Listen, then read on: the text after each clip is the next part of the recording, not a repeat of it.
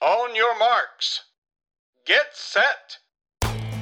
Välkommen till Maratonlabbet, Sveriges mest nyfikna löparpodd. Här får ni följa med Johan Forsstedt och Erik Olofsson i jakten på snabbare tider och mer kunskap om löpning. I det här 48 avsnittet pratar vi med bergslöparesset Ida Nilsson som snart ska göra en intressant maratonstart i Hamburg Marathon.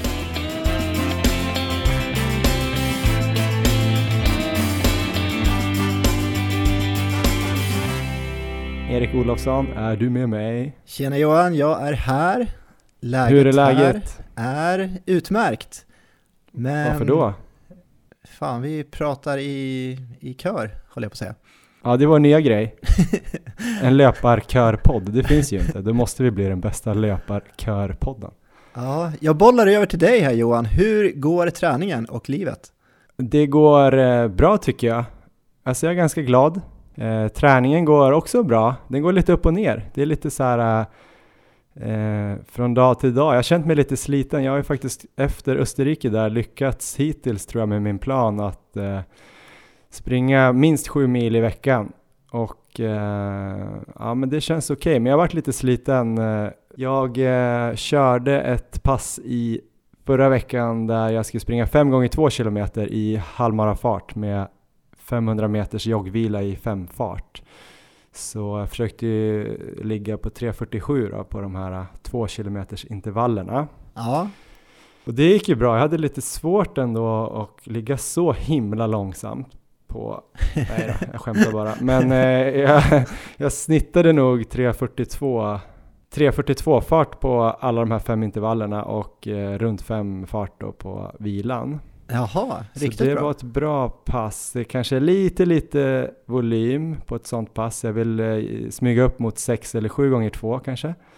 Eller typ 4 gånger 3 eller liknande. Men 10 kilometer blev det i alla fall och så blev det ju lite fortare än eh, vad jag tänkt att springa på eh, Kungsholmen runt där. Um, men jag kände typ medan jag sprang de sista intervallerna så började jag få flashbacks till vårt förra avsnitt om återhämtning.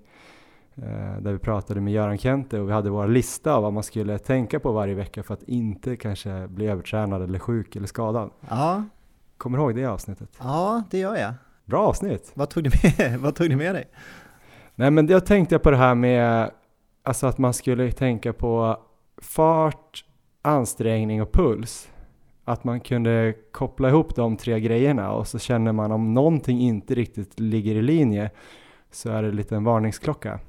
Ja, Eh, och då tänkte jag så här, ja, jag låg väldigt bra i fart jämfört med pulsen. Alltså jag hade aldrig, eh, jag kom aldrig upp i anaeroba tröskelpulsen utan jag låg som mest kanske fem slag därifrån. Så det var kontrollerad puls men i benen brände det ju som att jag var över tröskel. aha. Så känslan var ju nog att jag var på en högre ansträngning liksom muskulärt och så i kroppen och, och liksom den totala känslan. Men just i, i flåset, konditionen kändes det bra. Har du varit med om det någon gång? Eh, inte på slutet, alltså jag känner nästan tvärtom varenda pass. Ja, skönt. Men jag tror att det beror på att jag, då tänkte jag så här, men jag har jobbat lite hårt här sista veckorna, jag har sovit lite för lite kanske, jag har inte varierat eh, träningen så himla mycket, sprungit mycket asfalt, lite sliten i en hälsena häl. Så då, eh, ja, men så då styrde jag faktiskt om ett, eh, mitt långpass här i söndags som skulle vara 25 kilometer med 2 gånger 3 kilometer i halvmarafart insprängt efter 15 kilometer. Så jag tog med mig Per Wimmercrantz och eh, sprang ut på en trailrunda i Nackareservatet istället i söndags i solen där. Ja, så det blev jag i och för sig ännu längre pass, 30 kilometer och vi var ute ja, nästan tre timmar. Eh, För det var ganska teknisk eh, trail och vi sprang mest och snackade. Men eh, det var ett jäkligt bra beslut tror jag, moget. Ja, jag tycker det låter som en väldigt bra idé. Har du börjat att dokumentera ansträngningsgrad? Jag har inte börjat med någon exakt skala sådär, men jag har väl börjat tänka mer och mer på att skriva in det och fundera på det när jag springer. Ja, Jag tyckte det var en bra grej. Har du gjort det? ja jag har faktiskt börjat med det. Så att nu försöker jag föra in borgskalan då efter varje pass, bara på ett ungefär vad jag känner. Ja, men hur känns det för dig då? Det är väl ännu mer intressant. Det är bara 11 dagar till Rotterdam Marathon och sist vi snackade skulle du göra ett litet test för eh, att se om du skulle ens komma till start till Rotterdam. Jag tror vi nämnde det i podden, annars kanske det var från Instagram, men du skulle springa 20 kilometer lugnt och sen 15 kilometer i din tänkta marafart och beroende på det passet skulle du bestämma om det blir Rotterdam. Så hur gick det? Det stämmer. Jag har ju haft, jag har gnällt ganska mycket här i podden sista gångerna och eh, jag har ju missat fyra veckor egentligen. Eller missat, men jag har inte kunnat träna som jag velat. Så att det har ju känt lite osäkert. Men eh, det var 16 dagar innan då som jag körde det här passet. Eh, så jag började med 20 km där jag körde mycket längs elljusspår, just för att variera underlaget lite och få lite mjukare underlag. Sen så var det dags för asfalt och marafart. Ehm, jag hamnade i ett snitt på ungefär 3,59. 12 kilometer mm. blev det och de sista kilometerna var riktigt, riktigt tuffa. Jag var uppe i väldigt hög puls. Så det var ju, det gick bra rent, ehm, jag hade inga känningar, så det var ju positivt. Men formen kändes ju fruktansvärt dålig och jag var rejält slut. Ja, vad hade du på Borg där då? Om du börjar skriva in Borgskalan? På det passet tror jag jag skrev 17 från 1 till 20. Så det är ändå mycket ansträngande. Men eh, samtidigt, sånt, ett sånt där pass tror jag kan vara ganska bra att ändå få med sig, eh, att man får jobba väldigt högt i puls sådär. När farterna ändå inte är så höga så kanske inte sliter så mycket på benen ändå. Så jag tror ändå de här passen, jag har haft flera sådana pass som har känts likadana, så att eh, även om formen har känts väldigt, väldigt dålig på slutet så kanske det kommer komma ändå och eh, eh, jag hoppas på det och jag har tagit beslutet att jag kommer till start i Rotterdam. Spännande. Ja, så eh, nu är vi inne i formtoppning helt enkelt här med vad det nu är 10-11 dagar kvar. Kortfattat då, hur ser närmsta 10-11 dagarna ut då i träningsväg? Eh, imorgon då så har jag ett pass, eh, jag tror vi körde inför Frankfurt, jag kollade tillbaka, då körde vi 2 gånger 7 km i marafart, kommer du ihåg det?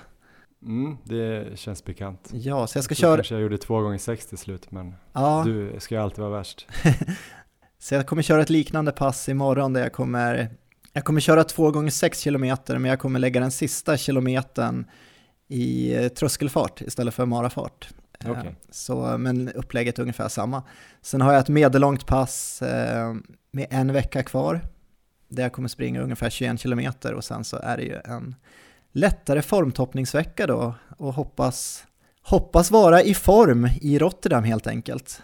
Och i Rotterdam är det tänkt att du ska springa, eller försöka springa i fyra fart. Alltså fyra minuter per kilometer som skulle då vara 2.48, 48, men du kanske vill gå under 2.48, jag kommer inte exakt ihåg vad vi har sagt. Ja, precis, precis så. Så att det, det blir väl 3.58 tror jag, um, som jag ska försöka hålla i snitt ungefär om jag ska gå under 2.48. Um, ehm, men eh, jag vet, alltså jag funderar lite på om jag ska försöka ändra målsättning nu med tanke på de problem jag haft, men det känns som att eh, jag tror jag går helt enkelt för 2.48 så länge det håller. Ehm, så det blir lite så här kamikaze-maraton, bara köra på tills jag går in i väggen. Någonstans är ju det ändå din stil och jag tycker inte att du ska överge den bara för att du börjar bli klokare och klokare i och med podden.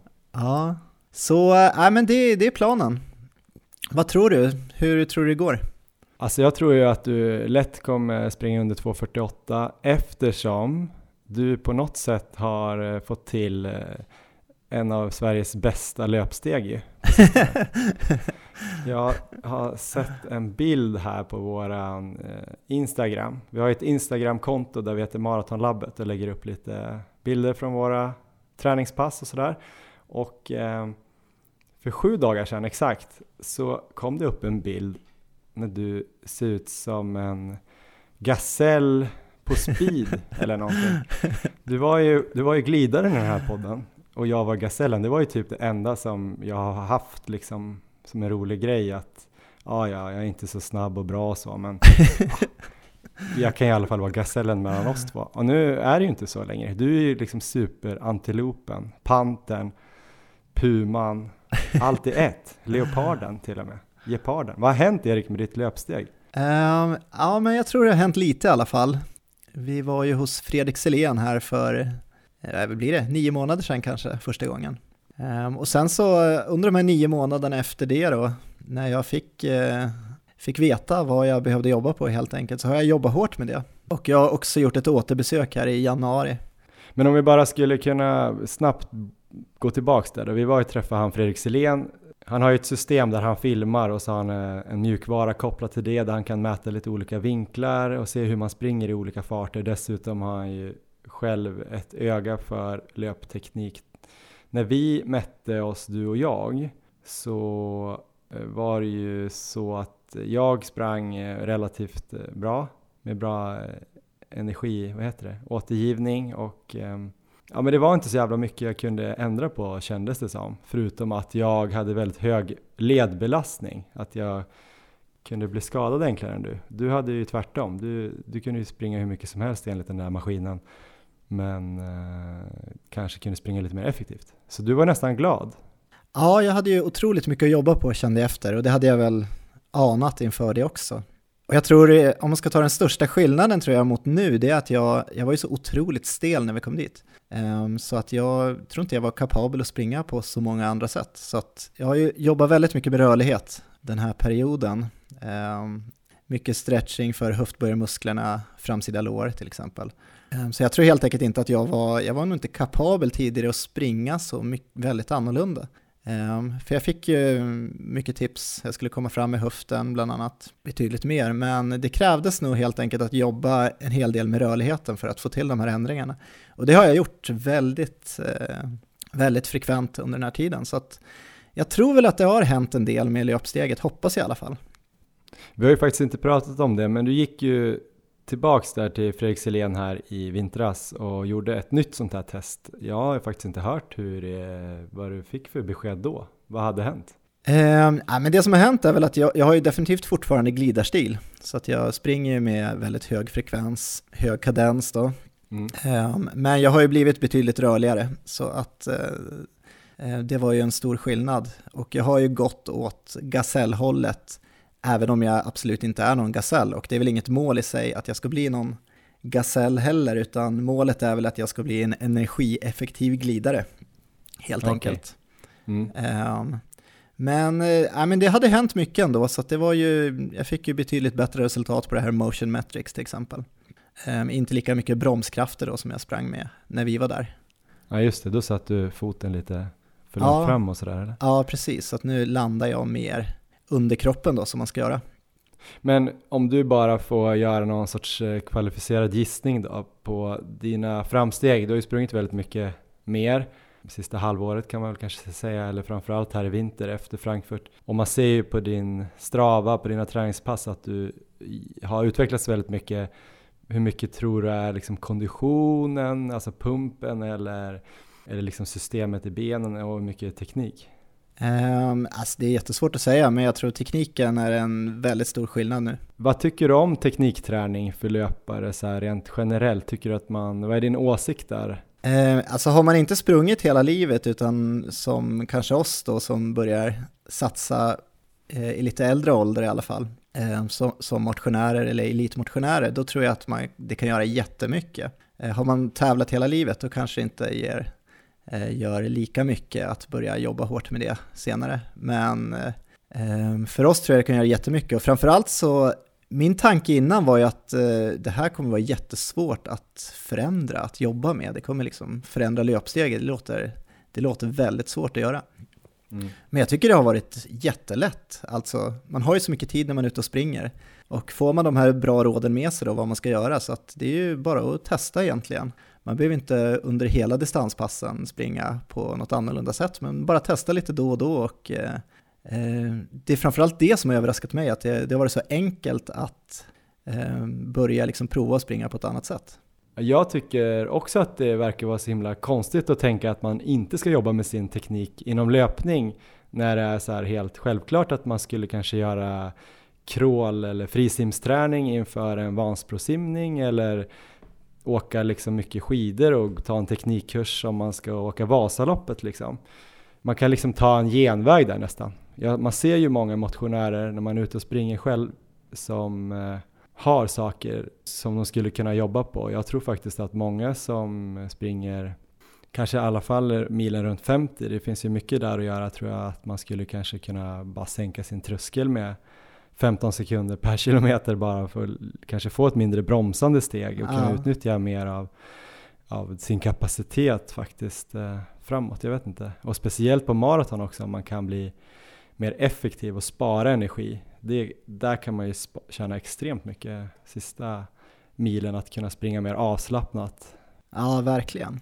Mm. Nej, men det är intressant det där med teknik, eh, om man ska lägga tid på det eller inte. Och vårt förslag kanske är att eh, lägga tid på det, men eh, såklart inte springa tre av sina tre pass i veckan med bara att göra tekniklöpskolning. Men eh, att göra lite grann och framförallt kanske tänka på sin teknik under distanspass och sådär kan ju göra att man snabbare får en bra teknik och kommer kunna springa mer energieffektivt och fortare på samma ansträngning. En som är duktig på att springa fort på till synes låg ansträngning det är Ida Nilsson, en av Sveriges och världens bästa traillöpare och ultralöpare som också har ju en väldigt fin bakgrund inom banlöpning och 3000 meter hinder bland annat. Hon ska ju faktiskt också springa en asfaltsmaraton. Charlotta Fogberg gjorde ju en intressant start eh, i Sevilla och nu är det alltså Ida Nilssons eh, tur i Hamburg. Jag tror att det är sista april. Det är i alla fall sista helgen i april. Och eh, vi fick tag på henne för en intervju här i Maratonlabbet och eh, vi gjorde intervju när hon var i Flagstaff, Arizona på ett läger där hon förberedde sig just för den här maran. On your marks. Get set. Hej Ida Nilsson, varmt välkommen till eh, Maratonlabbet. Tack så mycket. Håller du på att förbereda dig för ett maraton har jag hört rykten om. Ja, det stämmer. Hur går det då? Eh, Ja, det går väl sådär. Eller, alltså, det var lite, jag har, har, ju inte så jättelång tid på mig. ut- Och också, det var väldigt länge sedan jag sprang mycket plattlöpning. Och, ehm, men jag, har känt att det, det är lite eget projekt. Att kul att försöka göra ett, en vägmara och en, en hyfsad tid. Och då var det bra att, att göra det i vår innan eh, trailrunning-säsongen sätter igång. Men om vi tar det bara lite snabbt från början så eh, har du liksom en bakgrund först som banlöpare och sedan ultra och skyrunning, vilket du fortfarande håller på med och sen nu ska du springa maraton. Varför vill du springa maraton nu? Jo, men det är väl, eh, eller det har jag nog känt ett, någonting som jag alltid har velat göra en gång i livet och eh, tänkte att det var väl ett naturligt steg när jag sprang bana att göra senare och sen, sen, sen hamnade det ju helt plötsligt att ja, men det är det jag livnär mig på nu att springa trail och ultralopp. Jag gillar ju fortfarande alls löpning och att det var kul att springa vägmaraton i annan tid. Och ja, då, då, det passade bra helt enkelt. Och, och om jag, jag vill inte bara liksom springa igenom en mara heller, att det är kul och träna det lite inför det och förbereda och, och kunna göra en hyfsad tid ändå. Men hur, hur har det sett ut då nu i vår? När slutade din eh, skimo-säsong och hur mycket har du hunnit springa sedan dess och hur mycket platt löper du nu? Eh, ja, jag åkte inte så mycket skidor i vinter, men det var ändå att, två månader där i eh, december, januari, lite in i, i februari. Eh, så att då eh, ja, åkte jag skidor, men sen var det ganska dåligt väder, så jag sprang faktiskt en del löpande också, vilket jag aldrig har gjort innan. Eh, så det var tror jag, en ganska bra upptrappning. För först var jag väl, med att jag haft en lång säsong, jag höll på att tävla och springa ända till november. Eh, så att det var nog ändå bra att det blev mindre löpning under några månader. Sen började jag träna, att jag blandat liksom. Jag har haft ganska hög liksom, mängd veckor och sprungit mest platt, men lite liksom några gånger i Grand Canyon och, och lite traillöpning och sånt där också. Men, eh, nej, men bara eh, försökt eh, få in fler liksom vanliga trösklar, några, ett par banpass. Men det var först igår jag gjorde en riktigt lång eh, eh tröskelträning som var 25 kilometer som var eh, av bra tempo. Så det kändes bra. Men när du säger 25 kilometer i bra tempo, vad är det för dig nu? Eh, ja, men då, då hade jag 3.49 så det var jag väldigt nöjd med här uppe. Liksom. Att det, det är ju långsammare än maratonfart, men eh, jag skulle säga att det är ja, samma och lång, långsammare kanske en tröskel nere på havsnivå, men uppe här så mm, tyckte jag att det var bra fart för mig nu. Vad är det för höjd där uppe nu? Är det 2000? Ja, 2-1. 2-1. Har du någon känsla hur stor skillnad det är liksom, på olika höjder där? många sekunder lägger man på per 500 meter? Ja, alltså det, fanns ju, det finns ju så här när man tävlar på bana en eh, kombinationstabell. Och då tror jag att det brukade vara att man fick ta till 25 sekunder någonting på 5000 meter. Jag tror det är lättare att hålla nästan samma fart på korta intervallpass liksom. Upp till 100 meter och tyckte jag inte det var så stor skillnad. Men eh, vad du nämnde där att det här var över din, eller långsammare än din maratonfart. Vad skulle du säga att din maratonfart är? Vad tränar du för? Nej, men jag hoppas att kunna springa på 2.35 och hålla 3.40 då. Det känns ju som ett ganska mål i och med att nu är jag ju bara god för 35 på milen liksom. Jag har ju ett eh, sämre halvmaratonpass liksom än vad jag måste passera på. Men det kändes ändå så här, ja men det kunde vara liksom, kul att, att försöka liksom. Men nu är det ungefär, eh, vad kan det vara, fem veckor till Hamburg när vi spelar in det här. Eh, hur ser den tiden ut fram till dess? Hur eh, Har du planerat eller blir det lite från dag till dag, vecka till vecka? Ja, nu har jag ju ja, men cirka en och en halv vecka kvar i Flagstaff här och ja, men nu blir mest fokus på att jag vill ha några bra längre pass liksom, som jag känner lite mer specifika för. Men vilka typer av specifika maratonpass har du tänkt att lägga in? Eh, ja, men som sagt, igår gjorde jag 25 kilometer tröskel och det var, det var väldigt bra liksom.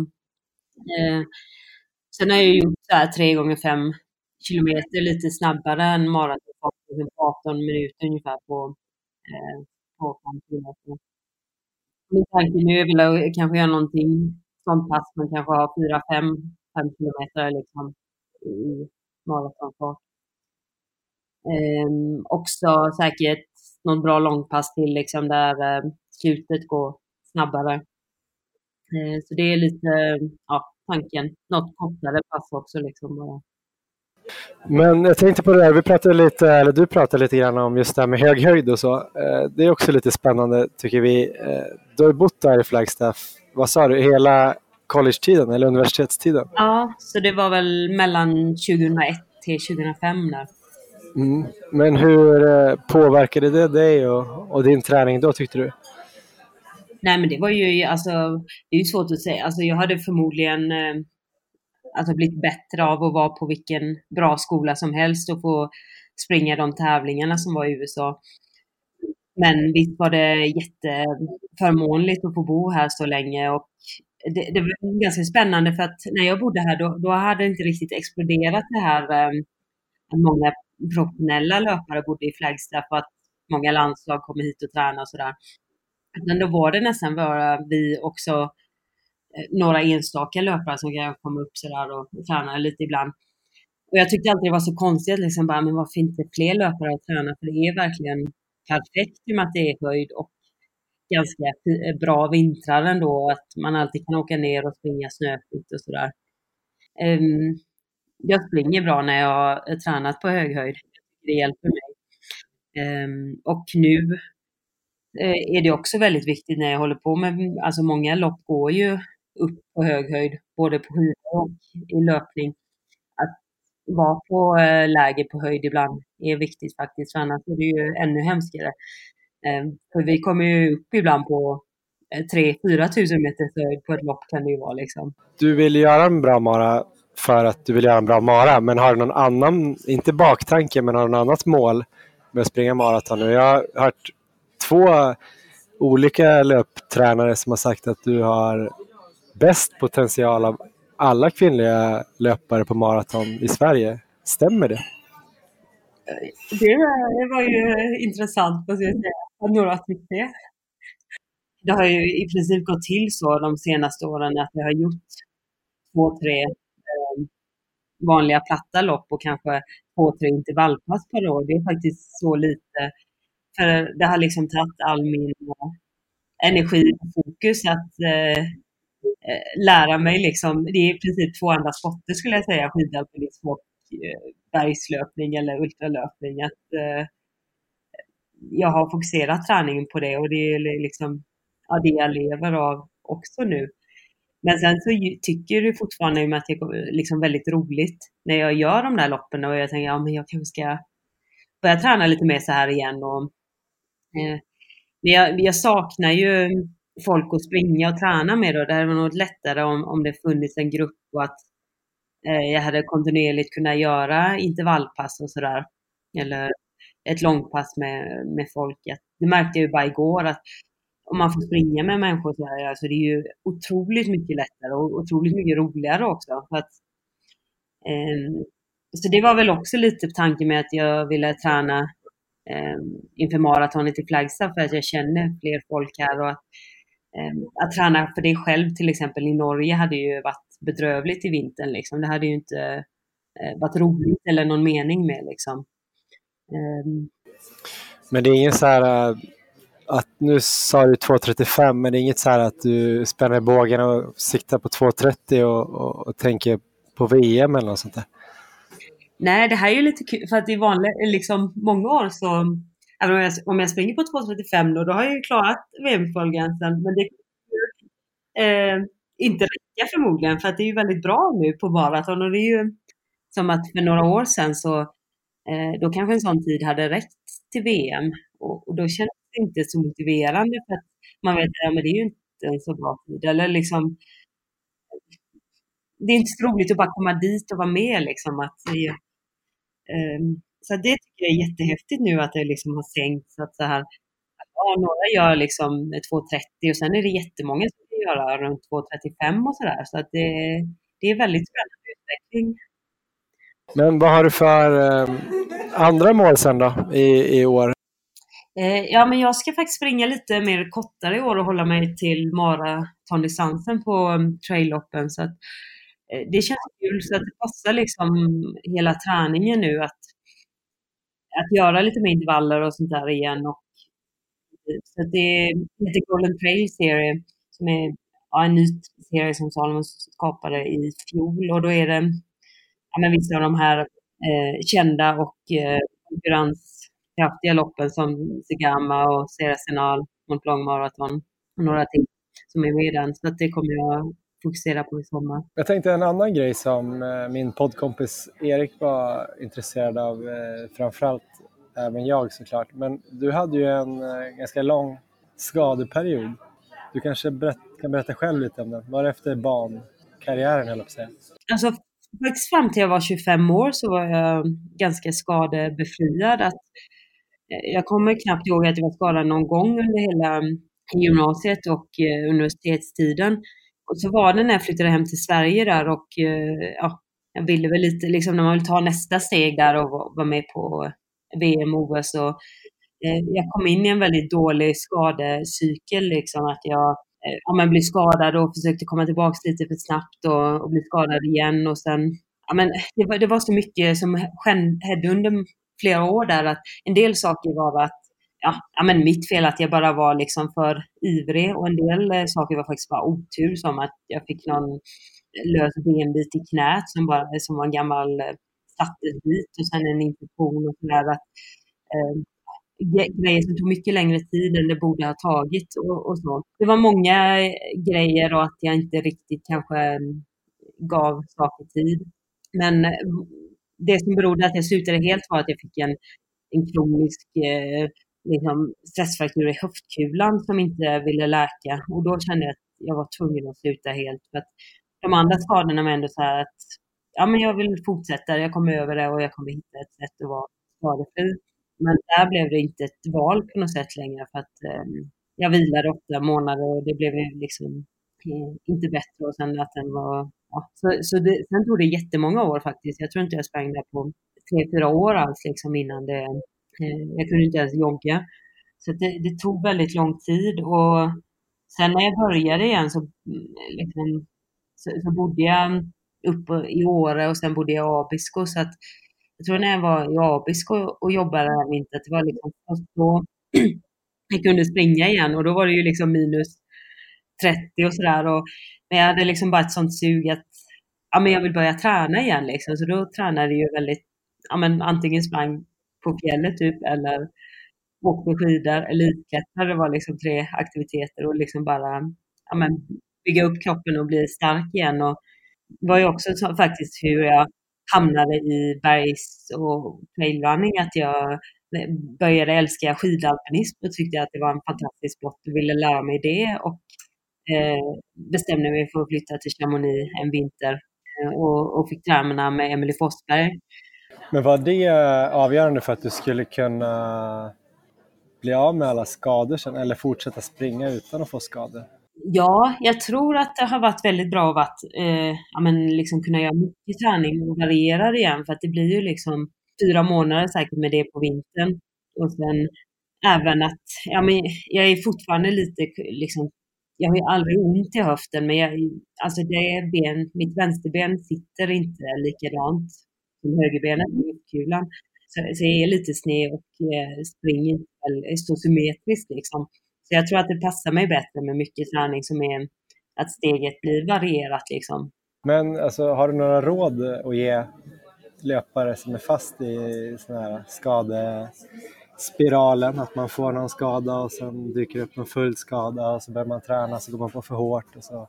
Hur ska man tänka? Ja, jag tänkte ju liksom, ja men vad som jag gjorde fel att som första gången jag blev skadad, då var jag ju så himla motiverad liksom. Det var ett EM i Göteborg eh, och jag bodde i Göteborg då. Och, och liksom, jag tänkte, ja men jag har ju aldrig varit skadad innan, att det är väl liksom bara att eh, ja, men bita i och jag tränade jättemycket alternativträning väldigt hårt. Liksom. Så jag var ju i jättebra form direkt när jag började springa på våren. Liksom. Och det tror jag mycket att många är så här, ja men det går så bra att hålla uppe konditionen alternativt och att du kan, du behöver inte tappa något. Och, det behöver man verkligen inte, men det, det är ju en jättefarlig grej att ha jättebra hjärta-lungor och inte ha liksom sprungit eh, med muskler och allt annat liksom i kroppen. Och sen tänker jag också det här tidsperioden, att, alltså att liksom, det är ju lite bubbla som elitlöpare. Man tänker det är så lång tid ibland, liksom några månader. Och, men sen bara, men det är inte så himla lång tid i en... Alltså, sen, sen när jag märker så här, ja, men när åren går, liksom, det är lång tid. Men att ibland eh, så blir det så himla kortsiktigt liksom. Men du är inte orolig nu när du ska börja springa slätt och asfalt att du ska få tillbaka några problem? Det är lite mer monotont. Jo, men det har ju varit en, eh, alltså varför jag har inte liksom bara kan toko in för det och börja, börja liksom, jag får ta det pö om pö. Jag tror att det har varit ganska bra nu med att i vintras eh, så blev det ganska blandat. Liksom. Jag började springa löpande och lite ute. Och att, eh, vissa veckor jag menar att jag kanske sprang så mellan 8 och 10 mil och så åkte jag eh, ja, li, lika mycket mängd eh, skidor liksom. Så det, var, det var bra mängdveckor men att inte så mycket löpningen då. Och sen nu har jag haft väldigt bra eh, mängd på veckorna. Jag tror liksom många veckor i sträck förutom veckan jag var sjuk legat mellan 15 till 20 mil eh, sen i, i början på februari liksom. Den tåligheten tror jag och sen är det väl som jag sa att jag, jag har ju jag måste blanda det lite här också nu att jag, jag springer. Men jag tycker att asfaltträningen har gått bra. Att det liksom, jag har inte sprungit mer än, än drygt 30 på asfalt, men det har varit helt okej okay, liksom. Och, så att, ehm, ja men försöker liksom undan för undan eh, så att jag är hyfsat förberedd eh, för loppet liksom. Men tänker du att du kan prestera max på alla, på alla ställen så att säga när du hoppar lite mellan olika mål sen? Nej, men det är väl klart att eh, alltså, om jag hade velat springa riktigt bra på maraton, det tar ju flera år. Eller det tar ju... Nu så, så är det ju liksom ett eget lite så här personligt, som jag bara målat. Jag vill göra det här under vintern och våren. Och sen så tror jag att det här kommer ju inte ha negativt för sommaren liksom. Så jag har ändå, tycker jag planerat det bra nu. Det är ju inte så här att jag ska göra en lång ultra mitt i allting. Och som sagt, de här eh, bergsmarerna är ju jätteintensiva liksom som krävs eh, en del liksom intervaller. Alltså, de, så jag tycker att eh, nej, att det passar bra faktiskt. Ja, men superbra Ida. Tusen tack för att du ville vara med och prata lite maraton och trail och allt vad det var. Ja, tack så mycket och lycka till. Tack detsamma.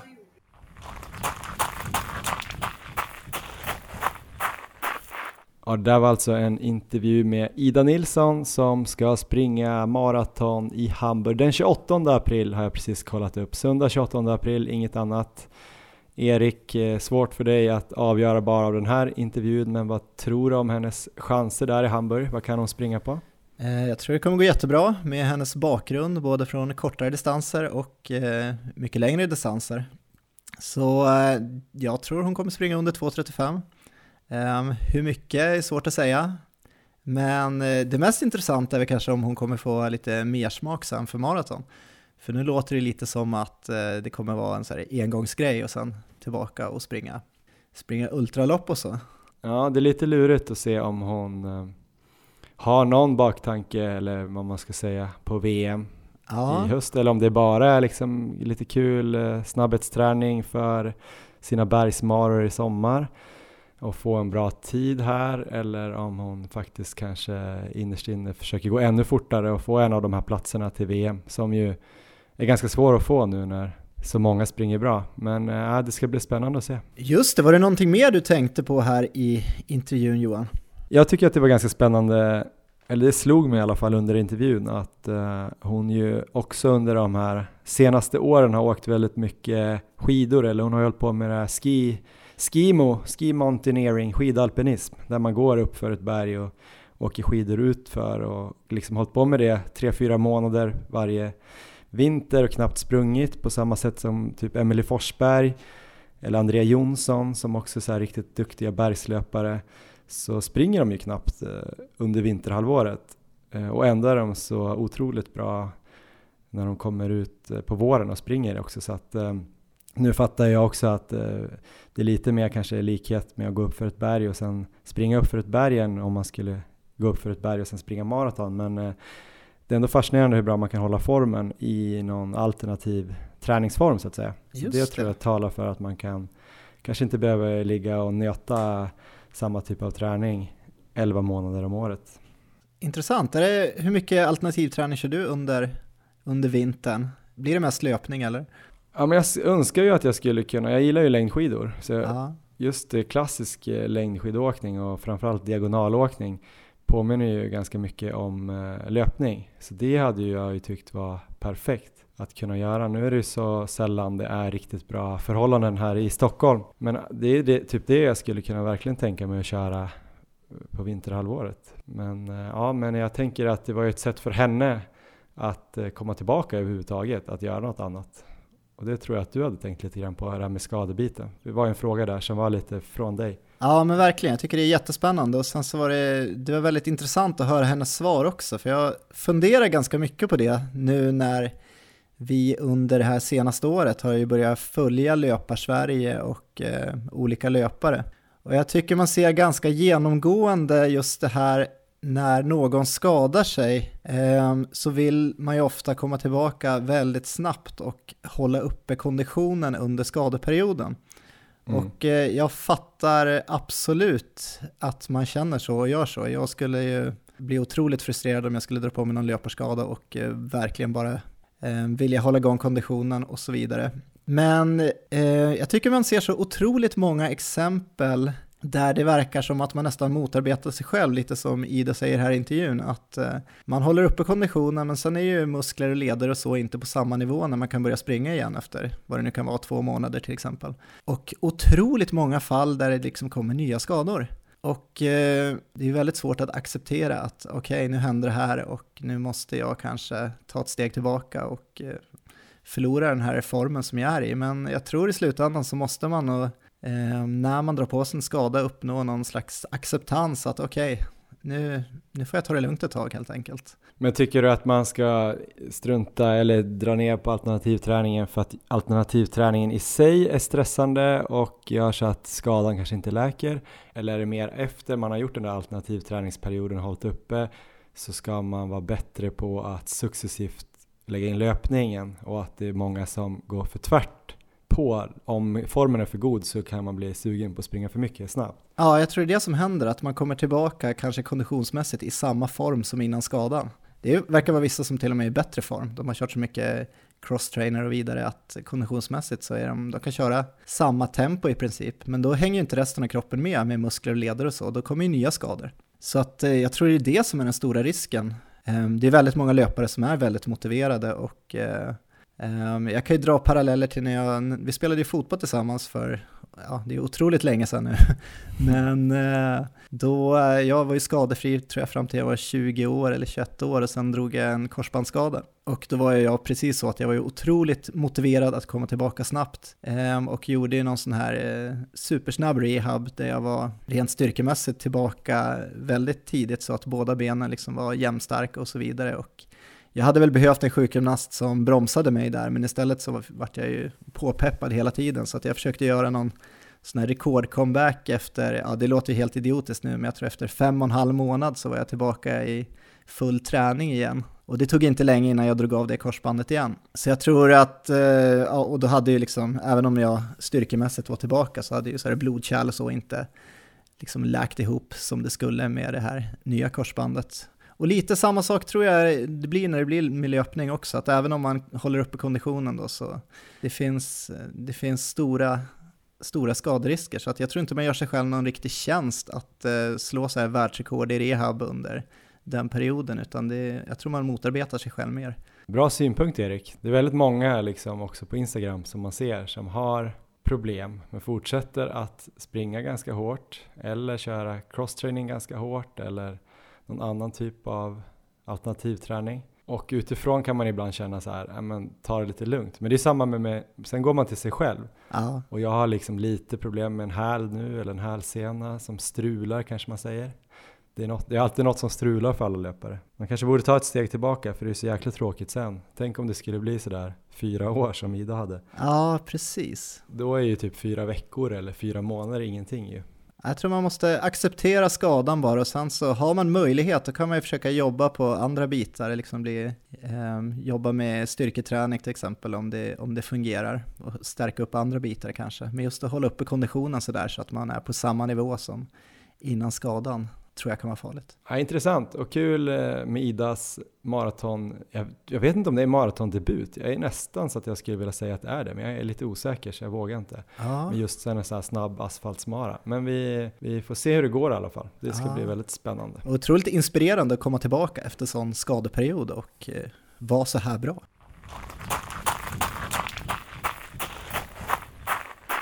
Ja, men om vi ska avsluta här med att blicka lite mot våran närmsta tid. Du har ju snackat lite om eh, ditt lopp i Rotterdam som är om 11 dagar nu när vi spelar in och 9 dagar när det här släpps på fredag.